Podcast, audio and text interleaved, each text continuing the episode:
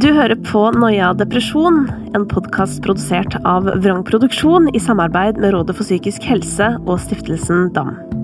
Jeg heter Kristine, og i denne episoden skal du få møte Marit, som for noen år siden opplevde at kroppen sa stopp, da hun selv ikke forsto signalene om at hun trengte en pause. I dag beskriver hun livet som et før og etter depresjonen. Hun kom styrket ut på andre siden, men det ble en dyrekjøpt erfaring.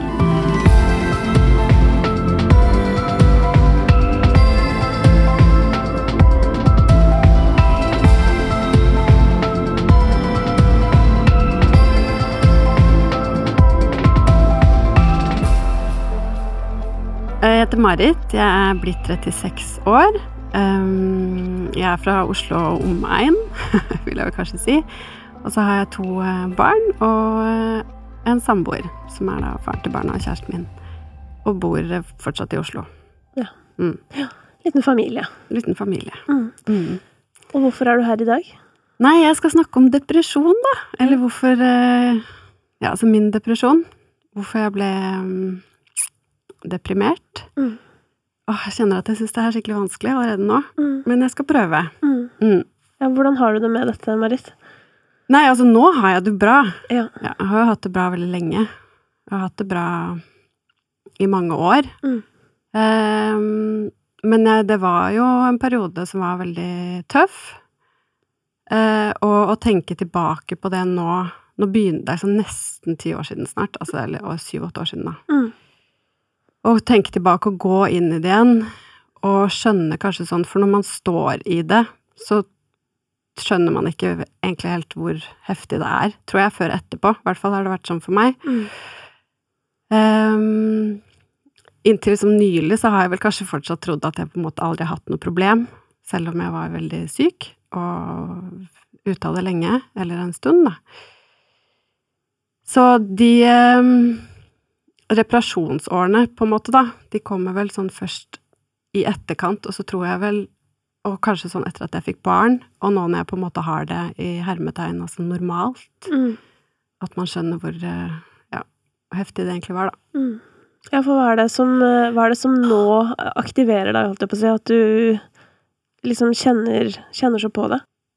Altså, for det første så var det jo fælt, Mm. ikke sant? Det var mørkt og ensomt og, og eh, vanskelig å stå i og vanskelig å akseptere, og en sånn grunnfølelse av eh, liksom dritt. Mm. um, og gå tilbake der, og også liksom prøve å tenke på hvorfor det ble sånn, Mm. og om jeg egentlig kunne gjort noe for å unngå det, eller ikke. Altså, det er bare Jeg har på mange måter akseptert det, og jeg er ikke noe flau over det, fordi det ble som det ble, og jeg har kommet meg ut av det, og vil si kanskje at jeg er styrket nå, Mm. Um, fordi jeg har vært gjennom det. Det som er så vondest med det nå, så lenge etterpå, er jo den um, erkjennelsen av hvor um, lite snill jeg var med meg selv, da. Mm. Eller hvor lite jeg hørte på meg selv. Og Ja, og det gjør litt vondt. Mm. Det er litt trist, da. Mm. Mm. Det skjønner jeg. Mm. Selv om det fortsatt er vanskelig for Marit å snakke om depresjonen hun opplevde for så mange år siden, så er det viktig for henne å sette ord på den mørkeste tiden i livet hennes, og prøve å forstå hvorfor det skjedde. Jeg har vel alltid vært, tror jeg, så lenge jeg kan huske, ganske sånn følsom og urolig, og hatt stor fantasi og vært veldig sånn grublende. Og ikke helt Altså, den siden er jo skummel, for den fører med seg masse skumle tanker og store tanker og ikke sant, tanker om døden og hvorfor vi er her, og var et veldig sånn Kanskje litt sånn grublende, sjenert barn, da. Mm. Samtidig som jeg har hatt en sånn flink, kanskje litt sånn utad, vellykket, overpresterende side. Ehm, hvor jeg Ja, altså, jeg har gjort det bra på skolen, jeg har hatt venner, jeg har vært godt likt, jeg har vært uh, hun irriterende elevrådslederen. Jeg har liksom vært, ja Utad eh, sånn ganske på plass, da, mens Mm. inni meg så har det liksom stormet, og så har jeg ikke greid å finne balansen mellom det, tror jeg. Og særlig ikke da jeg var ung, det var veldig vanskelig. Mm. Så da tror jeg at jeg Altså, jeg hørte ikke stemmer, men for å få den uroen til å stilne, Mm. så valgte jeg vel kanskje som metode å bare kjøre på, da. Og bare ta på meg mer og mer og mer og kjøre et høyt tempo. Og eh, overprestere og legge lista høyt på de arenaene jeg kunne, som jeg som hadde kontroll på. Mm. Og gjorde kanskje det i veldig mange år, uten å lytte til kroppen og lytte til meg selv og ikke akseptere den. Jeg greide ikke å stå i den jeg var, egentlig. Prøvde bare å kanskje dytte henne litt til side, da. Samtidig som hun kom jo fram innimellom. Um, så den balansegangen der, med den uroen og den derre flinkheten, den eh, Ja, jeg greide ikke å håndtere det så bra til slutt, da. Mm. Så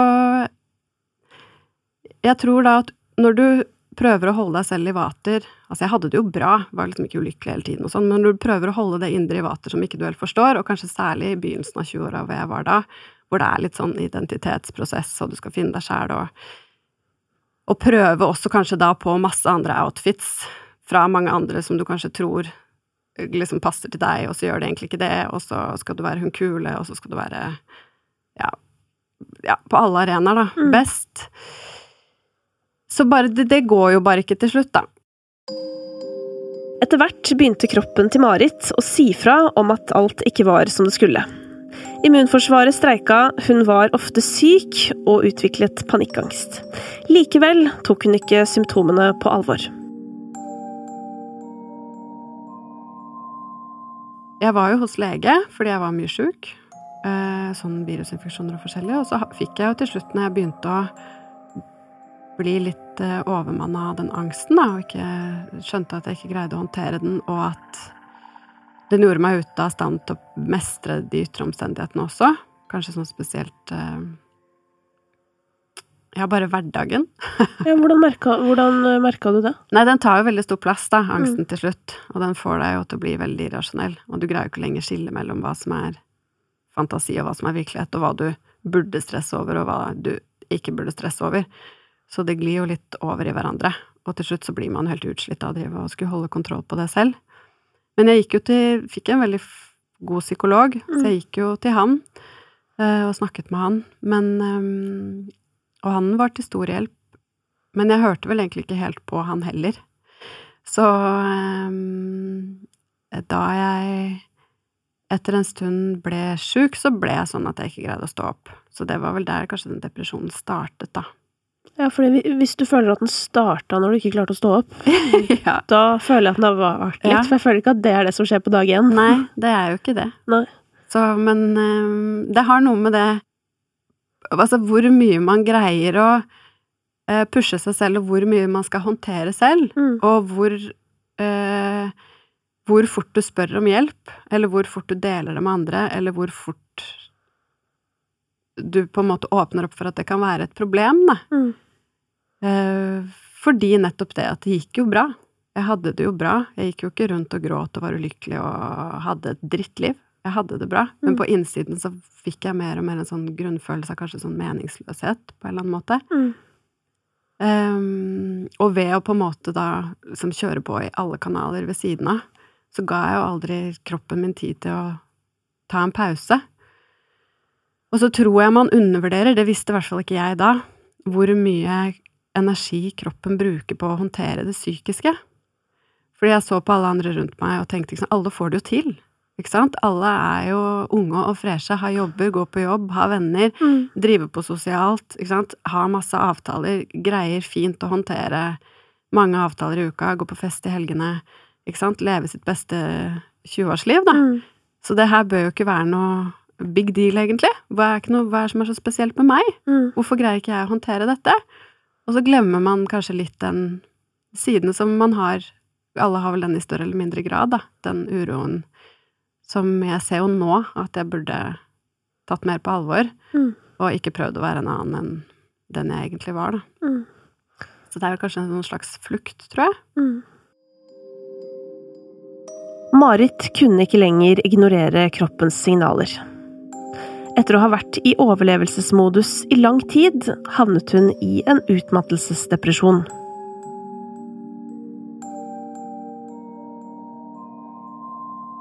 Altså, når du ikke greier å stå opp, og det er så mørkt, og det er så vondt, og det er så vanskelig, og, den, og da liksom begynne å akseptere det, at man har alle de følelsene, og hvor kom det egentlig fra, og hvordan tillot jeg meg selv å bli så lei meg, og hvordan skal jeg komme meg ut av det igjen? Mm. Um, for den jeg var, var jo den som på en måte førte meg dit. Så hvordan skal jeg greie å bli meg selv igjen uten å komme dit igjen og igjen? Mm. Og den derre første mørke, litt sånn lange, ensomme fasen som bare er liksom grøt, da. Hvor du bare er trist. Og um, Jeg greide ikke å tenke sånn veldig rasjonelt den første tiden der. For da var jeg da var så Kroppen var bare Ja. Ah, det høres så fælt ut, men det var Ja. Men det er jo fælt. Jeg var bare så sliten, da. Mm. Hele kroppen min var bare så sliten. Og så var jeg så lei meg for at jeg hadde At jeg ikke Ah, At jeg gjorde alle de klassiske feilene, da. At ikke jeg hørte på. Det var mange varsellamper der. Mm. Så det å ikke altså tillate seg selv å være seg selv, og ikke tillate seg selv å ta plass eller være for mye eller være den man egentlig er, da, det lærte jeg så Det var en ganske sånn dyrekjøpt erfaring. Mm. Så det sto jo stille der en stund, eh, hvor jeg var ute av stand til å gjøre så mye, egentlig. Så eh, var jeg Altså, jeg har gått til psykolog jevnlig og gikk til han ofte da, og fikk hjelp av lege. Men da var jeg så langt nede i den gropa at det Ja. Det var veldig vanskelig å jobbe seg oppover igjen. Mm. Så um, Ja, kan du huske sånn hva, hva du tenkte da om Altså, hvordan så fremtiden ut? Nei, det var vel sånn, ja, det er dette livet mitt, da.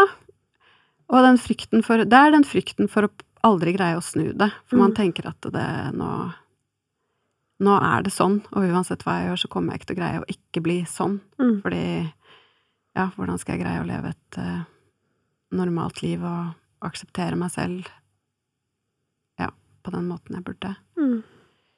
Så det er vel den følelsen av, av håpløshet, kanskje, da. At det mm, At ikke det er noe ende på det. Det Marit beskriver, er vanlige tanker i en depressiv tilstand.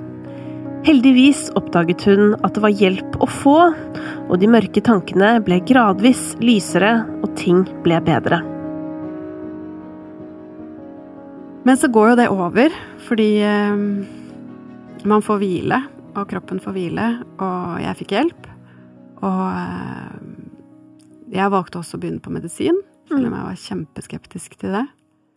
Ja, hvilke tanker gjorde du deg rundt, rundt det valget? Nei, det var helt egentlig uhørt. Skulle ikke mm, Hvorfor det? Nei, jeg tenkte at jeg kom til å bli så flat og avhengig av det, og sant, miste meg selv mer, og ja. Mm. Men eh, det Vi var mange runder på det med forskjellige fagfolk, Ja. som det heter. Så bestemte vi oss for det. Det var ikke noe sånn heftige doser eller noe, men, men det fikk meg på en måte opp av den gropa, da. Mm. Og det får stabilisert deg. Men du blir flat. Jeg ble flat. Men du kommer deg opp av det verste, liksom, gjørmehullet. Så da um, gikk jeg på de en bitte liten stund. Var ikke så lenge. Og så begynte det, ja, fikk kroppen hvile, og så begynte jeg å se litt lysere på livet. Mm. Men så er det hele den der tunge veien tilbake, da. Må hele tiden uh, finne en balanse i Fordi når man har kjølelse, når man er deprimert, da, Mm. og har kjørt på, så, så har jo kroppen din stoppa, så da er du ganske sliten. Så det med å finne den veien tilbake med å finne en balanse i hvor mye skal du gi, hvor mye skal du ta, og hvor mye skal du gjøre, det er kjempevanskelig. Mm. Fordi du er vant til en frekvens, et tempo, på, i arbeidslivet og alle plan. Å være den flinke personen du vet du er, eller den bra du vet du er, den gode utgaven av deg selv som du liker. Og så må du akseptere at det kommer ikke til å bli sånn på en stund. Fordi kroppen er liksom sliten. Og det er kjempetøft. Fordi du vil jo gjerne være den du vet du er, Mm. og du vil gjerne ta med deg alt dette nyfunnet med Finne en balanse med den uroen, da, så den ikke blir så urolig, men kanskje får litt plass. Mm. Og det er en tung jobb, og den aksepten og den runden Ja, med å prøve å liksom få det litt på plass igjen. Og med rutiner, ikke sant, kan jeg noensinne ha et vanlig liv igjen. Mm. Men jeg eh, Det gikk eh, Altså, jeg var vel uh, skikkelig langt nede i noen måneder, og så gikk noen måneder etter det igjen, og så, ikke sant, så jobber man seg, jobber man seg oppover. For å finne veien ut av depresjonen måtte Marit ta tiden til hjelp og trene seg opp til å komme tilbake til hverdagen. Psykologtimer og liksom fantastisk oppfølging ga meg de verktøyene jeg trengte for å skjønne at det kom til å gå. Mm. Eh, og så ble jeg vel bedre og bedre etter det, og eh, jobba vel aller mest mye med meg sjøl og med psykologen, og det er sånn tid, tid, tid, tid, tid, tid, og ta vekk alle de Altså, det med å jobbe med alle de indre fryktene hele tiden, er god nok. Liksom, den jobben her, nei, den er ikke noe for, ikke sant. Alt. Alle de tingene. Og så til slutt så følte jeg meg Altså, da jeg slutta på medisiner, følte meg egentlig frisk, da. Sånn. Og så må man jo bare begynne igjen, da. Det er jo dritskummelt. Jeg har alltid vært veldig sånn, glad i å jobbe. Jeg har alltid vært veldig glad i jobben min, eller det jeg har gjort, da. Mm. Så det har vært veldig viktig for meg å jobbe og ha et sunt arbeidsliv. Eh, så det var veldig viktig for meg, at jeg hadde lyst til å liksom få en jobb som Altså greie å jobbe igjen, rett og slett, og ha en jobb jeg likte, og greie å være meg selv i den jobben, da. Mm. Men altså, bare nysgjerrighet, for når du slutta på medisiner, Ja.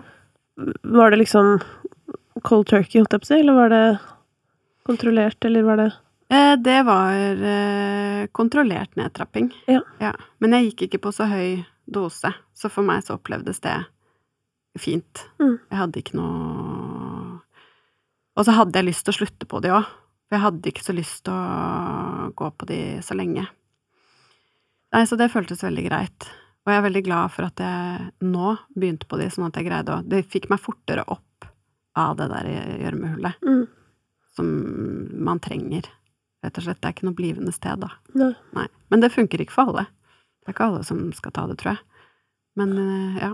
Det er det som Karina. Karina pleier å si at eh, Ja, det er akkurat sånn Karina beskriver det. At for Mm. noen så er det det Mm. som skal til for at du i det hele tatt kan ta imot hjelp. Ja. Fordi at når du står i det, så er det sånn Hjernen eh, er ute av funksjon. Og Ja. det føler jeg også at det er så mange som glemmer, eh, Mm. som, som opplever angst og depresjon. Um, at man ikke At man blir veldig redd for sånn Å nei, jeg føler meg ikke smart lenger. Eller du vet sånn derre Det gikk ikke så fort når jeg skulle gjøre ting på jobben. Eller du vet sånn Og så tilskriver man det at sånn Å, jeg har blitt dårlig Mm. på jobben min. Mm. Men så handler det om at sånn Hvis noen hadde tatt et bilde av hjernen din Mm. før og nå, Mm. så hadde den sett forskjellig ut. Mm. Sånn fysisk. Fordi Mm. den er ikke der den skal være, liksom. Merka du det på noen måte underveis, sånn der at du hadde mista nesten noe kognitiv funksjon? Ja, ja. Altså, det er jo noe av det jeg slet med lenge før også, som ikke jeg skjønte hvor kom fra. Men det hukommelsestap, det var jo altså Det var ganske blurry der, særlig i tiden rett før, det siste året før jeg ble sjuk. Mm. Så jeg fikk Altså, jeg huska ikke hva jeg hadde gjort dagen før, altså, det bare gikk helt i ball. Og det er kanskje derfor den depresjonsperioden, den mest intense til å begynne med de første månedene, er liksom ganske blurry, da. Fordi at det er, virker liksom bare som en grøt, fordi det er liksom Det er hull der. Mm. Av eh, Får hjernen bare kobla ut, tror jeg. Mm. Den hadde Det var ikke plass til mer. Så det med å få hjelp til å få ro i hjernen, og så begynne å sortere, det tror jeg er essensielt da, for å komme seg, komme seg videre. Mm. Nå fikk jeg sånn gåsehud på ryggen, for jeg også hadde sånn Jeg var i Tokyo rett før eh, Rett før det smalt. Ja. Eh, men eh, Eller det var noen måneder før, og så bare mm, kom vi hjem, og samboeren min var sånn der 'Herregud, vi må tilbake asap' og sånn. Og jeg var Mm. sånn Jeg husket ingenting vi hadde gjort. Nei. Og den dag i dag, jeg ser på bilder Mm. Jeg, jeg føler ikke at jeg har vært der. Nei. Men, og jeg skjønte, jeg skjønte ikke hvorfor det var sånn, og hvorfor det var eh, Det var akkurat som jeg ble sånn spalta, at Mm. jeg levde, hadde flere personligheter, eller jeg vet ikke. Det var på en måte ikke noe logisk med det. Og det er også sånn man ikke ser før etterpå, og kanskje ikke før lenge etterpå, da. Mm. Det har snart gått åtte år siden Marit ble deprimert. I dag er hun fornøyd med livet sitt. Hun har fått en liten familie, en jobb hun trives godt i, og er trygg på hvem hun er. Når hun nå ser tilbake på denne perioden i livet, tror hun at den har gjort henne bedre rustet til å takle livets utfordringer. Jeg har bestemt meg for å eh, tørre å snakke om depresjonen jeg hadde fordi jeg har skjønt, eller eh, jeg vet, at det ikke er unormalt å gå gjennom. Selv om det noen ganger kan føles eh, ganske selvsentrert og være litt flaut å snakke om. Det er rart å si at man er glad for det, for jeg er ikke glad for opplevelsen. Men jeg føler meg heldig som har kommet meg ut av det selv, med hjelp, og har alle disse verktøyene nå til å ta tak i det igjen hvis jeg føler på de samme liksom, tendensene igjen, da. Mm. Hvis jeg kjenner at jeg kjører på litt for hardt, hvis det er en list som ligger litt for høyt, hvis det er noe jeg ikke mestrer i det å være mor, kjæreste, arbeidstaker, venn, hva som helst, mm. så har jeg så mange ting jeg kan bruke, som jeg har lært. Og jeg sier ikke at det ikke er vanskelig, det er fortsatt innimellom vanskelig, og jeg har jo fortsatt den, de, liksom, det følelseslivet og den uroen og til en viss grad angsten, da, som jeg jobber med. Men det er jo det med den aksepten og reisen med å skjønne at det er en del av deg, og at det kan brukes kanskje også til noe bra innenfor det kreative, og at man kan tørre å snakke om det, ikke sant. Det er også veldig fint. Mm. Så det har vært en Nå føles det bra. Og i de årene etterpå så var det en sånn reparasjonsprosess hvor jeg kanskje var mest opptatt av å bare få det til, mm. gjøre det bra på jobb. Jeg ble gravid, ble mamma. Greide å ikke Jeg var veldig redd da jeg ble mor for å på en måte havne inn i det samme igjen med sånn lite søvn. Bli veldig sliten, leggelista for høyt, være perfekt. Men jeg greide å la ikke havne i de liksom, fellene, da. Mm. Jeg var kjempesliten og hadde kjempesøvnmangel, og har hatt det i to runder, for jeg har fått to barn, mm. men jeg har ikke blitt deprimert av det, og jeg har ikke blitt syk av det, og jeg har ikke fått panikkangstanfall av det. Så det er liksom noe som funker. Med, kroppen min har lært, jeg har lært. Det føles eh, veldig bra. Mm. Hvordan merker du liksom Altså, hvilke type signaler er det du typisk tar på alvor eh, i dag? Altså, hvis jeg kjenner på at jeg blir litt sånn melankolsk eller trist eller blir litt matt, så vet jeg eh, at jeg kommer fra et sted, og ikke nødvendigvis handler om den situasjonen hvor jeg følte tristhet eller ble lei meg, da. At hvis jeg blir liksom stressa og veldig fort trist Og da prøver jeg å tenke sånn, ok, hvor kommer dette egentlig fra? Ikke sant? Er det fordi denne dagen er veldig stressende og jeg ikke rakk alt jeg skulle, eller kommer det fra et annet sted, og hvis det skjer flere sånne episoder etter hverandre, for eksempel? Eh, og så er det jo det med hukommelsen, da. Hvis jeg merker at eh, den begynner å svikte, eller at jeg ikke greier å holde orden, eller at hjernen er overarbeida, mm. hvor ting glipper, og du begynner å glemme ting, og så må jeg også ta et steg tilbake og liksom roe ned litt, da, og omstrukturere litt. Eh, og så er det jo søvn, da, som er kjempeviktig. Hvis man mm. sover dårlig, ikke får sove, ligger oppe og tenker Og det gjør jeg jo i perioder. Så må man jo også ta det på alvor. Og mage og kropp og hvordan man liksom føler seg som fordøyelse og Alt henger jo sammen. Det mm. lærer man jo etter hvert, da. Men det er, for meg så har det vært med den depresjonen i midten, da, så har det vært litt det er før og etter ja. for meg. Ikke sant? Jeg er den samme, men før depresjonen så var jeg ikke så snill mot meg selv. Jeg var ikke så tro mot meg selv. Jeg tok meg ikke selv på alvor. Var sånn redd, redd for ikke passe inn. Ja, redd for å ta plass. Og så kom den depresjonen og satte ting i et litt annet lys. Og så kom jeg meg gjennom den og føler meg mye bedre. Mm. Og så er jeg fortsatt meg selv, og jeg har fortsatt alle de tingene i meg som gjør at det kunne kanskje skjedd igjen, men jeg tror ikke det gjør det, og jeg har det mye bedre. Mm. Men uh, når du nå ser tilbake, holdt jeg på å si, mm. um, hva, hva, skulle Av alle tingene du vet nå, hva skulle du ønske du visste før dette traff deg? Ja Hva skulle jeg ønske at jeg visste? Altså, med depresjonen så skulle jeg ønske at jeg visste at det gikk over da jeg var deprimert, da det var på det mørkeste. Mm. Det kom til å gå over. Før det eh, så skulle jeg vel ønske at jeg visste at det ikke var nødvendig Altså med denne fasaden, da, eller med det å være så streng med seg selv og eh, prøve å passe inn i et eller annet som ikke var meg, og at jeg hadde vært god nok som jeg var og er, uten å prøve å ilegge det noe mer, da. Mm. Det er sånn ordentlig klisjé. Det ironiske er jo at eh, når du prøver å passe inn, Mm. det er jo da du ikke passer inn. Mm. For da får du aldri bekreftet den du egentlig er. Så det er jo eh, egentlig oppskriften på å føle deg alene. Altså Noe av det jeg husker, var hvor glad jeg var da jeg følte meg klar igjen. Og at gamle jeg var tilbake, da, men uten mye av det innvendige stresset som hadde gjort meg så tung.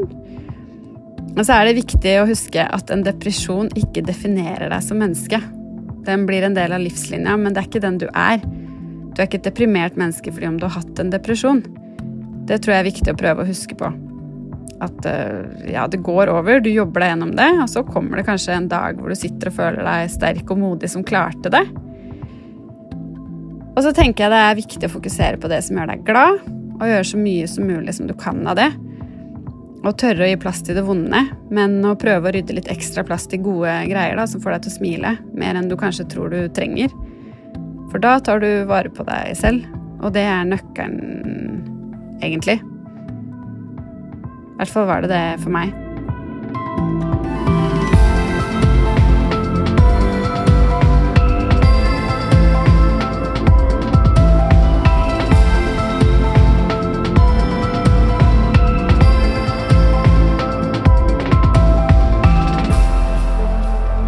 Tusen hjertelig takk for at du hører på Noia. Husk at det er mange flere episoder der denne kom fra. Og husk at hvis du har tilbakemeldinger, så kan du gjerne dele de med oss via noiapodkast.no.